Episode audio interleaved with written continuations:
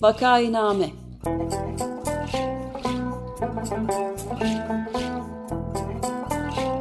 Salgın günlerinde memleket manzaraları.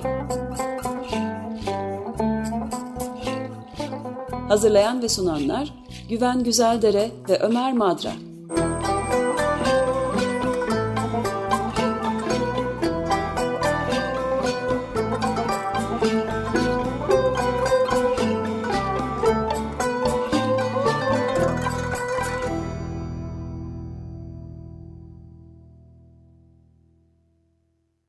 Merhaba, Vakainame'ye hoş geldiniz. Ben Güven Güzeldere.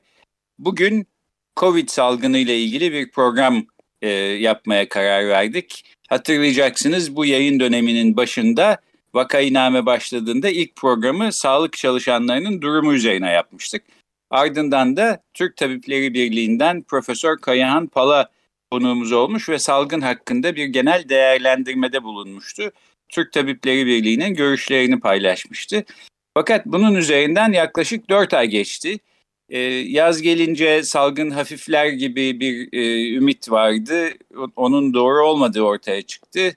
E, sayılara baktığımızda önümüzde geride bıraktığımız 4 aydan daha da zorlu bir 4 ay olabilirmiş e, gibi duruyor. Dolayısıyla bir güncellemenin e, iyi olacağına karar verdik. Bugün konuğumuz Ankara'dan bağlanıyor. Halk sağlığı uzmanı bir hekim Profesör Doktor Sarp Üner. Hoş geldin Sarp, merhaba. Hoş bulduk Güven. Merhaba. Ee, şimdi ben bugün e, salgınla ilgili genel bir değerlendirmeyle başlayalım istiyorum. Türk Tabipleri Birliği e, zaten e, kapsamlı bir e, rapor yayınladı e, birkaç gün.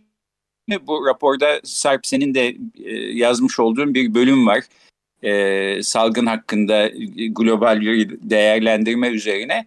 E, fakat iki baş iki ayrı şeyden daha e, da konuşalım istiyorum. Bir tanesi Türk Tabipler Birliği'nin e, hedef alınması e, siyasetçiler tarafından e, son birkaç haftadır gündemde olan bir konu.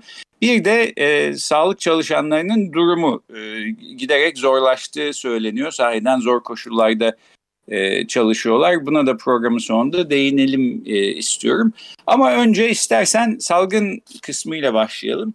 Ben e, bu arada e, e, konuğumuzu tanıtmayı unuttum. E, affedersiniz. E, halk sağlığı uzmanı e, Hacettepe Üniversitesi Tıp Fakültesi'nde halk sağlığı ana bilimde e, doçent ve profesör olduktan sonra çok kısa bir süre önce Lokman Hekim Üniversitesi Tıp Fakültesi e, halk sağlığı ana bilim dalına geçmiş durumda. Sarp Üner aynı zamanda Türk Tabipleri Birliği COVID-19 izleme e, kurusu, kurulu üyesi olarak da görev yapıyor. E, e, Sarp, genel bir değerlendirmeyle başlayabilir miyiz? Ne durumdayız dünyada ve özellikle Türkiye'de salgın konusunda e, bu iş nereye gidiyor, nasıl gözüküyor? Şimdi e, sevgili Güven, önce e, çok teşekkür ederim bu yayına beni davet ettiğin için. E, son e, açıkçası e, Ağustos ayının başına göre baktığımızda, çünkü Haziran e, başında bir e, normalleşme süreci yaşadık. Yeni normal diye adlandırılan ama bu normalleşme sürecine geçerken mevcut bilimsel e, bilgiler ve bilimsel veriler kullanmadan hızlı bir geçiş yaşadık.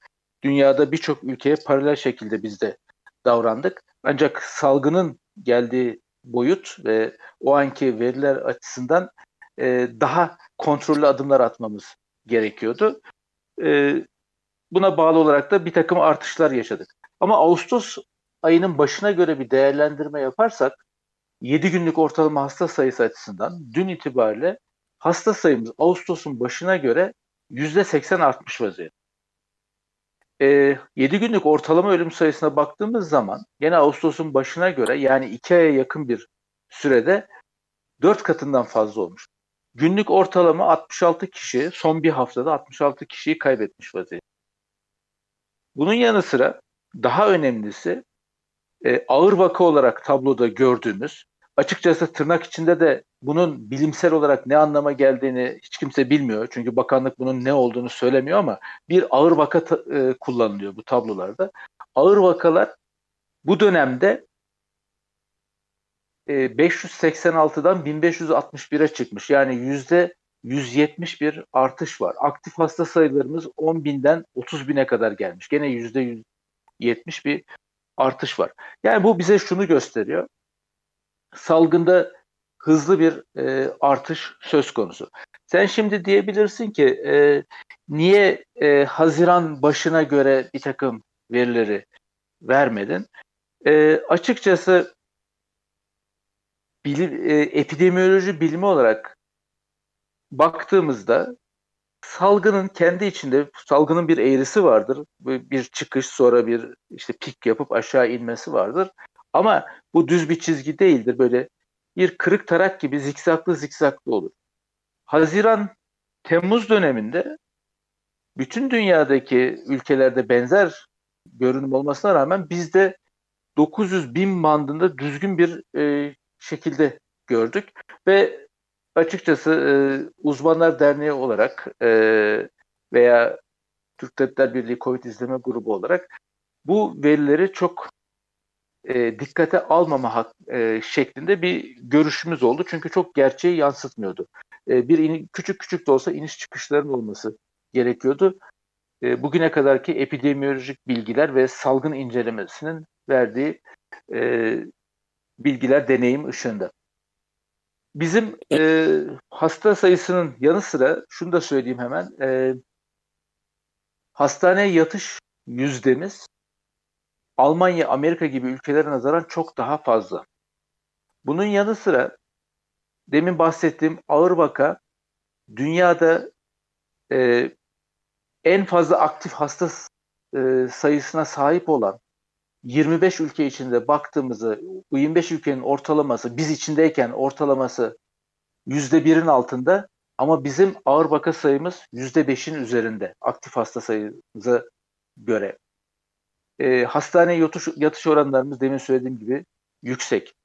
E, filyasyon ekip sayısı Bakan Bey e, Övünç de bahsediyor. 11 bin üzerinde filyasyon ekibinden bahsediyor. E, bu çok önemli bir şey. E, açıkçası filyasyonla ilgili geçmişe yönelik şunu söyleyebilirim. İlk olarak Sağlık Bakanlığı'nda filyasyon kelimesinin bir basın toplantısında gündeme gelmesi ben geçmişe doğru baktım 15 Nisan civarında. Yani salgın başlamış, bir süre devam etmiş, bir ay kadar devam etmiş ve ilk defa o zaman ortaya konmuş.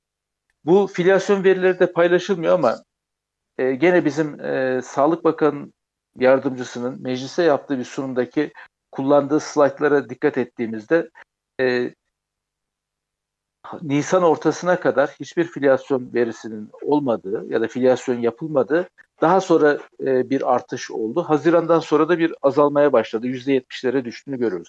Ama bugün bugüne gelirsek geçenlerde Sağlık Bakanı'nın vurguladığı 11 bin e, filyasyon ekibimiz var ve e, bunlar bir gün içinde e, hem vakalara hem de temaslarına ulaşıyor diye bahsettiği bir şey var.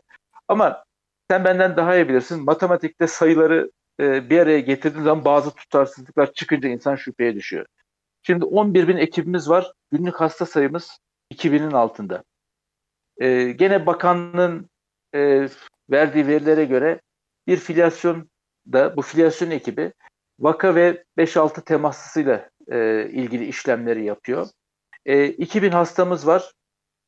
Çarptık 5 ile e, 10 bin, 12 bin hane gezilecek demektir bu.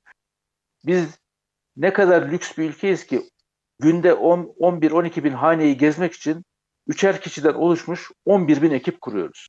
Ha bu arada ben gene sahadan biliyorum. Bu ekipler gece 22'ye kadar çalışıyorlar. E, vardiyalı çalışıyorlar. Hafta sonları da çalışıyorlar ve tüm vakalara ve temaslarına ulaşmaya çalışıyorlar. Yani e, dünyadaki durumumuza derken bizdeki rakamların e, bazı şüpheler var, bazı tutarsızlıklar var. Açıkçası e, onu söyleyeyim. Evet yani şöyle anlıyorum resmi rakamlara baktığımız zaman bile endişe edici bir durum var gibi gözüküyor. Bir de resmi rakamlardan aslında daha yüksek rakamların söz konusu olduğunu düşündürecek bir takım sebepler olduğunu söyledin. E, dolayısıyla evet, çok haklısın. E, belki de katlanıyor. E, şimdi ben Türkiye'de e, enfekte olup teşhis e, e, konduktan ve hastaneye yattıktan sonra bakımı konusunda şikayetçi olan hiç kimseye rastlamadım. E, dolayısıyla sağlık çalışanları e, COVID hastalarıyla işte gerektiği gibi ne yapılması gerekiyorsa e, hatta fedakarca e, mücadele ediyorlar. Bundan hiçbir kuşku e, duymuyorum, e, duyulmuyor diye anlıyorum. Türk Tabipler Birliği de genel olarak e, güvenli bir kaynak olarak e, görülüyor. Ee, Sağlık Bakanı bence başarılı bir iletişimle bu işe başlamıştı. Yani her gün bilgi veriyordu, cevap e, soruları cevaplıyordu filan. Ama başarılı iletişim tabii başarılı salgın yönetimi gösteriyor olması demek değil. E, bence salgın yönetiminde e, iktidar başarılı değil. E, her halükarda e, Sağlık Bakanı'na duyulan güvende bir azalma olduğu yönünde e, bilgiler, istatistikler var. E, burada e, sağlık çalışanlarının kendileri ve Türk Tabipleri Birliği aslında güvenilecek tek kaynak olarak e, ortaya e, çıkıyorlar. E, şimdi bu çok önemli. E, hem de şu soracağım soruyla da alakalı. E, Türk Tabipler Birliği sağlık çalışanlarının giderek daha çok zorlandığını ve e, bu durumun böyle devam edemeyeceğini söylüyor. E, ambulans sisteminde de mesela bir aşırı yüklenme olduğu ve yetişemeyebilecekleri öyle bir hale gelebileceği söyleniliyor. Bunların hepsi salgını e, son derece e, ciddi hale getirebilecek, bugün olduğundan daha da ciddi bir krizle bizi karşı karşıya bıraktırabilecek durumlar. E, bu konuda sağlık çalışanlarının e, yükü konusunda özellikle e, sen neler söylemek istersin? Bizim salgınla mücadeledeki en güçlü yanımız sağlık çalışanlarının özverisi. E, ben de içindeyim. E, bizim herhalde yetiştirilişimizden kaynaklanıyor. Mesai saati ya da e, herhangi başka bir şeyle ilgilenmeden işin yapılması, bir çözüm bulunması. Bugüne kadar da açıkçası sağlık sistemindeki aksaklıkların e, kağıt üzerinde bizim gördüğümüz ama vatandaşa yansımayan aksaklıkların e, temel nedeni sağlık çalışanlarının özverisi olduğunu düşünüyorum. Şimdi e, bütün dünyada sağlık personeli bundan en fazla etkilenen grup. E, bizdeki rakamlara bakarsak Sağlık Bakanlığı iki kez rakam paylaştı. Biri 29 Nisan'da, biri 2 Eylül'de, 4 aylık bir süre sonra. Salgının başı sayılabilecek, o ilk dalganın e, en şiddetli olduktan sonra sakinleştiği döneme kadar olan e, dönemde sağlık çalışanları normal toplumdan 5 kat daha fazla hastalanmış. Raka, bakanlığın verdiği rakamlara göre. Eylül başında gene Sağlık Bakanı'nın verdiği rakamlara bakarsak topluma göre 8,5 kat daha fazla hastalanıyor.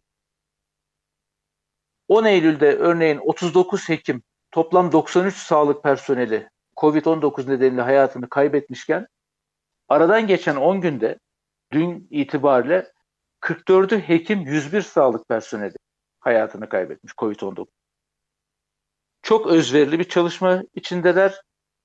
E, mümkün olduğu kadar problemleri hasta açısından çözmeye çalışıyorlar. Ama tabii bir makine değil. Sonuçta bunun bir e, sınırı var. Sağlık personelinin dayanma gücü açısından da sınır var. Türk Tabipler Birliği'nin vurgulamak istediği açıkçası e, salgının başından beri, ilk andan beri salgın mücadelesine hastanede yani ikinci basamak, üçüncü basamakta kabul eden bir yaklaşım içinde olan Sağlık Bakanlığı'nı e, bu şekilde devam edemeyeceğini, salgın mücadelesinin sahada olması gerektiğini uyarma konusunda kendi üzerine düşeni yaptı bugüne kadar ama niye bir tepki çekti onu da anlamak mümkün değil. Sağlık personelinin bu anlamda en büyük sıkıntısı bugün Belçika, İtalya, Almanya, Kanada gibi ülkelerde ya da Uluslararası Çalışma Örgütü ya da Uluslararası Sosyal Güvenlik Teşkilatı, Uluslararası Ticaret Birlikleri gibi örgütlerde kabul edilen bu COVID-19'a mesleğini yaparken yakalanmanın, hastalanmanın ve ölmenin bir meslek hastalığı olarak kabul edilmesi bekleniyor. Ama bizim ülkemizde nedense demin rakamı verdim. Toplumadan 8,5-9 kat daha fazla hastalanmasına ve ölüm rakamlarına baktığımız zaman da e, çok fazla kayıplarına rağmen bir meslek hastalığı olarak kabul edilmeme durumu var. İşte bu SGK'nın işi, SGK işte hani bir anlamda işi sulandırmak için işte şöyle olursa böyle olursa şu tanıma göre bu tanıma göre falan diyor ama sonuçta bütün toplum bunun farkında. Bu insanlar görevlerini yaparken bu hastalığa yakalanıyorlar ve bu hastalıktan ölüyorlar. Ama hala bir meslek hastalığı olarak kabul edilmiyor. Ee, evet. Pardon. Şunu yani... da ekleyeyim hemen Güven. Tabii, tabii. Ee, vaat edilen e, de şöyle yan ödeme böyle yan ödeme diye verilen e, şeylerin de dengesiz dağılımını vesaireyi bir tarafa bırakalım. Sağlık personeli uzun saatler çalışmak zorunda kalıyor. Kişisel koruyucu ekipmanları açısından sıkıntı yaşayacağı dönemler olabiliyor farklı farklı bölgelerde ve bunlara bağlı olarak hem uzun çalışma hem de e, kişisel koruyucu ekipman eksikliği yüzünden hastalanıyor ve e, hayatını kaybediyor. Ama hala bir meslek hastalığı olarak kabul ediliyor. Evet yani sağlık çalışanlarından hem özveri bekleniyor. Ee, belki dünyanın başka ülkelerindeki sağlık çalışanlarına göre daha çok özveri bekleniyor. Fakat e, bunun karşılığında verilmesi gereken e, hiçbir şey de verilmiyor. Bu, acayip bir durum var. E, bununla da e, bundan ibaret de değil. İşte geçen hafta Milliyetçi Hareket Partisi Genel Başkanı Devlet Bahçeli dedi ki Türkiye Tabipleri Birliği kapatılmalıdır. Ee, karanlık e, işleri ve kirli çamaşırları ortaya çıkartılmalıdır falan. Şimdi bu, bu tabii bir yandan çok acayip bir şey. Ee, bir kere ortada ortaya çıkartılacak bir kirli çamaşır yok. Çünkü Türk Tabipleri Birliği'nin öyle bir kirli çamaşırları olduğuna inanmıyorum. E, kirli çamaşırları olan Devlet Bahçeli'nin e, kirli çamaşırları ise zaten ortada duruyor. Onun için ortaya çıkartmamıza ayrıca gerek yok. E, niye dedi işte bu nereden çıktı filan e, onu e, belki tartışmaya gerek yok ama e, Türk Tabipleri Birliği'nin gerçekten de Devlet Bahçeli'nin önerdiği gibi kapatılması ya da işte ikinci bir bu çoklu baro sisteminde olduğu gibi ikinci bir e, Tabipler Birliği'nin kurulması gibi e, ihtimaller var mı? Biliyor musun? Hukuki olarak bu mümkün mü? E, açıkçası her şey mümkün. Öyle söyleyeyim yani.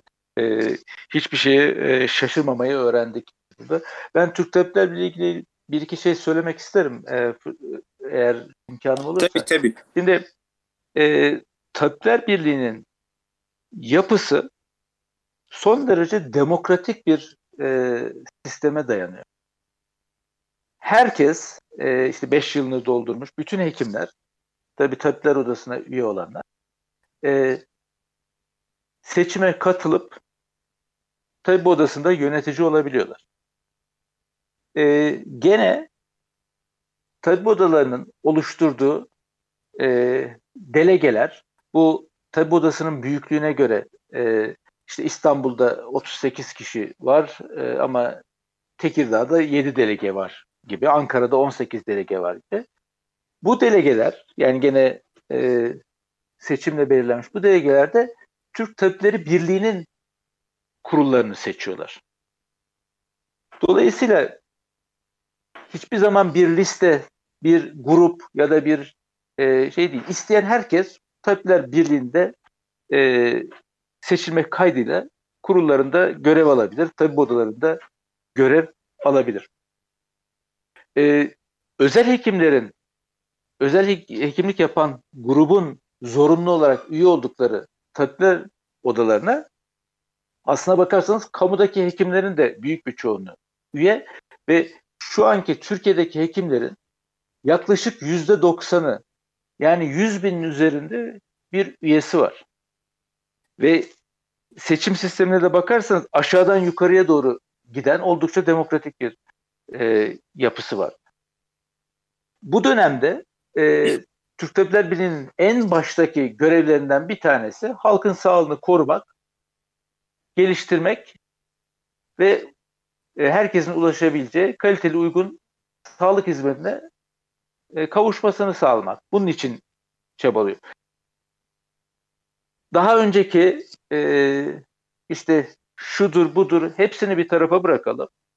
Bunun bu dönemde gündeme gelmesi hakikaten çok şaşırtıcı. Çünkü e, sen de bahsettin işte 6. ay raporu, ondan önce 4. ay raporu, 2. ay raporu diye e, COVID-19 izleme grubunun, Türk Tabiplerliği COVID-19 izleme grubunun çıkardığı raporlar var. Bu raporlar oldukça kapsamlı ve mevcut soruna çözümü içeren raporlar.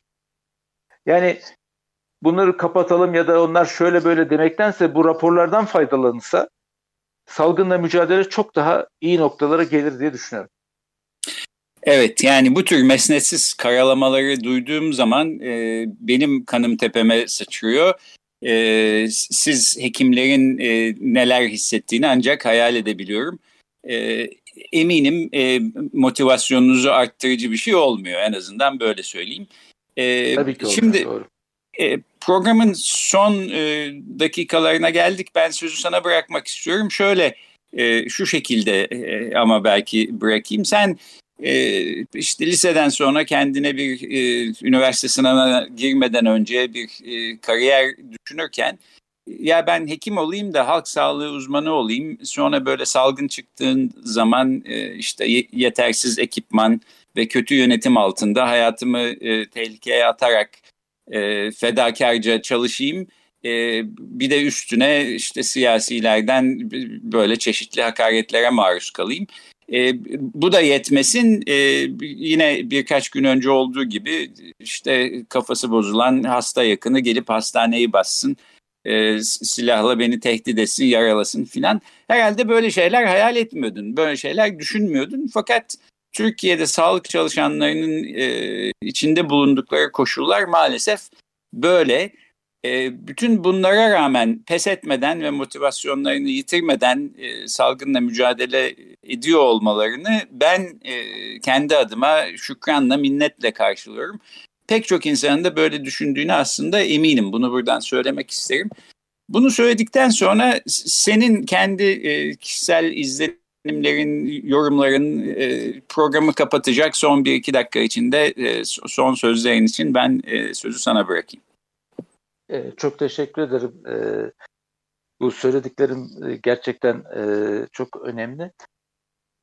Açıkçası hiçbirimiz böyle bir durumla karşı karşıya kalmak istemiyorduk ama son yıllarda sağlık sistemindeki aksaklıkların sorumlusu olarak sağlık personelinin gösterilmesi ve vatandaşın ister istemez bunu e, bu şekilde yorumlaması. Buradan kastım şu, sağlık sistemimizin mükemmel olarak bir çizimi yapılıyor ve e, böyle ütopik bir sağlık sistemi olarak ortaya konuyor ve ondan sonra da e, sen eğer bu hizmeti bulamazsan bunun sorumlusu sana o hizmeti vermeyen sağlık personelidir gibi bir yaklaşım var.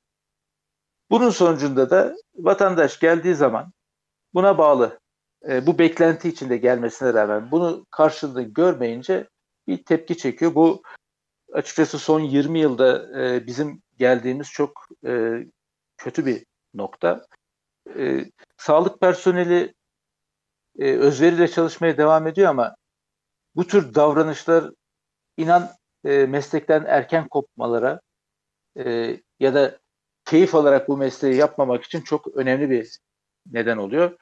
E, umarım hem sağlıkta şiddet yasası hem de e, sağlık emekçilerinin e, özlük haklarını verilecek bir döneme yakın zamanda geliriz.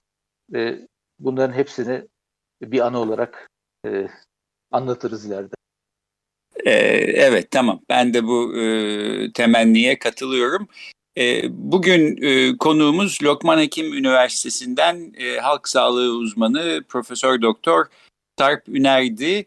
Türk Tabipleri Birliği COVID-19 İzleme Kurulu üyesi olarak e, salgın konusunda genel bir değerlendirmede bulundu. Çok teşekkür ediyoruz Sarp. Çok teşekkürler, iyi yayınlar. Görüşmek üzere.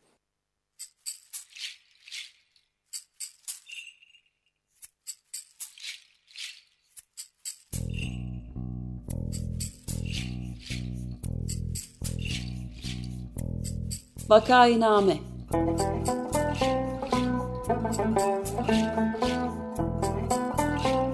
Salgın günlerinde memleket manzaraları.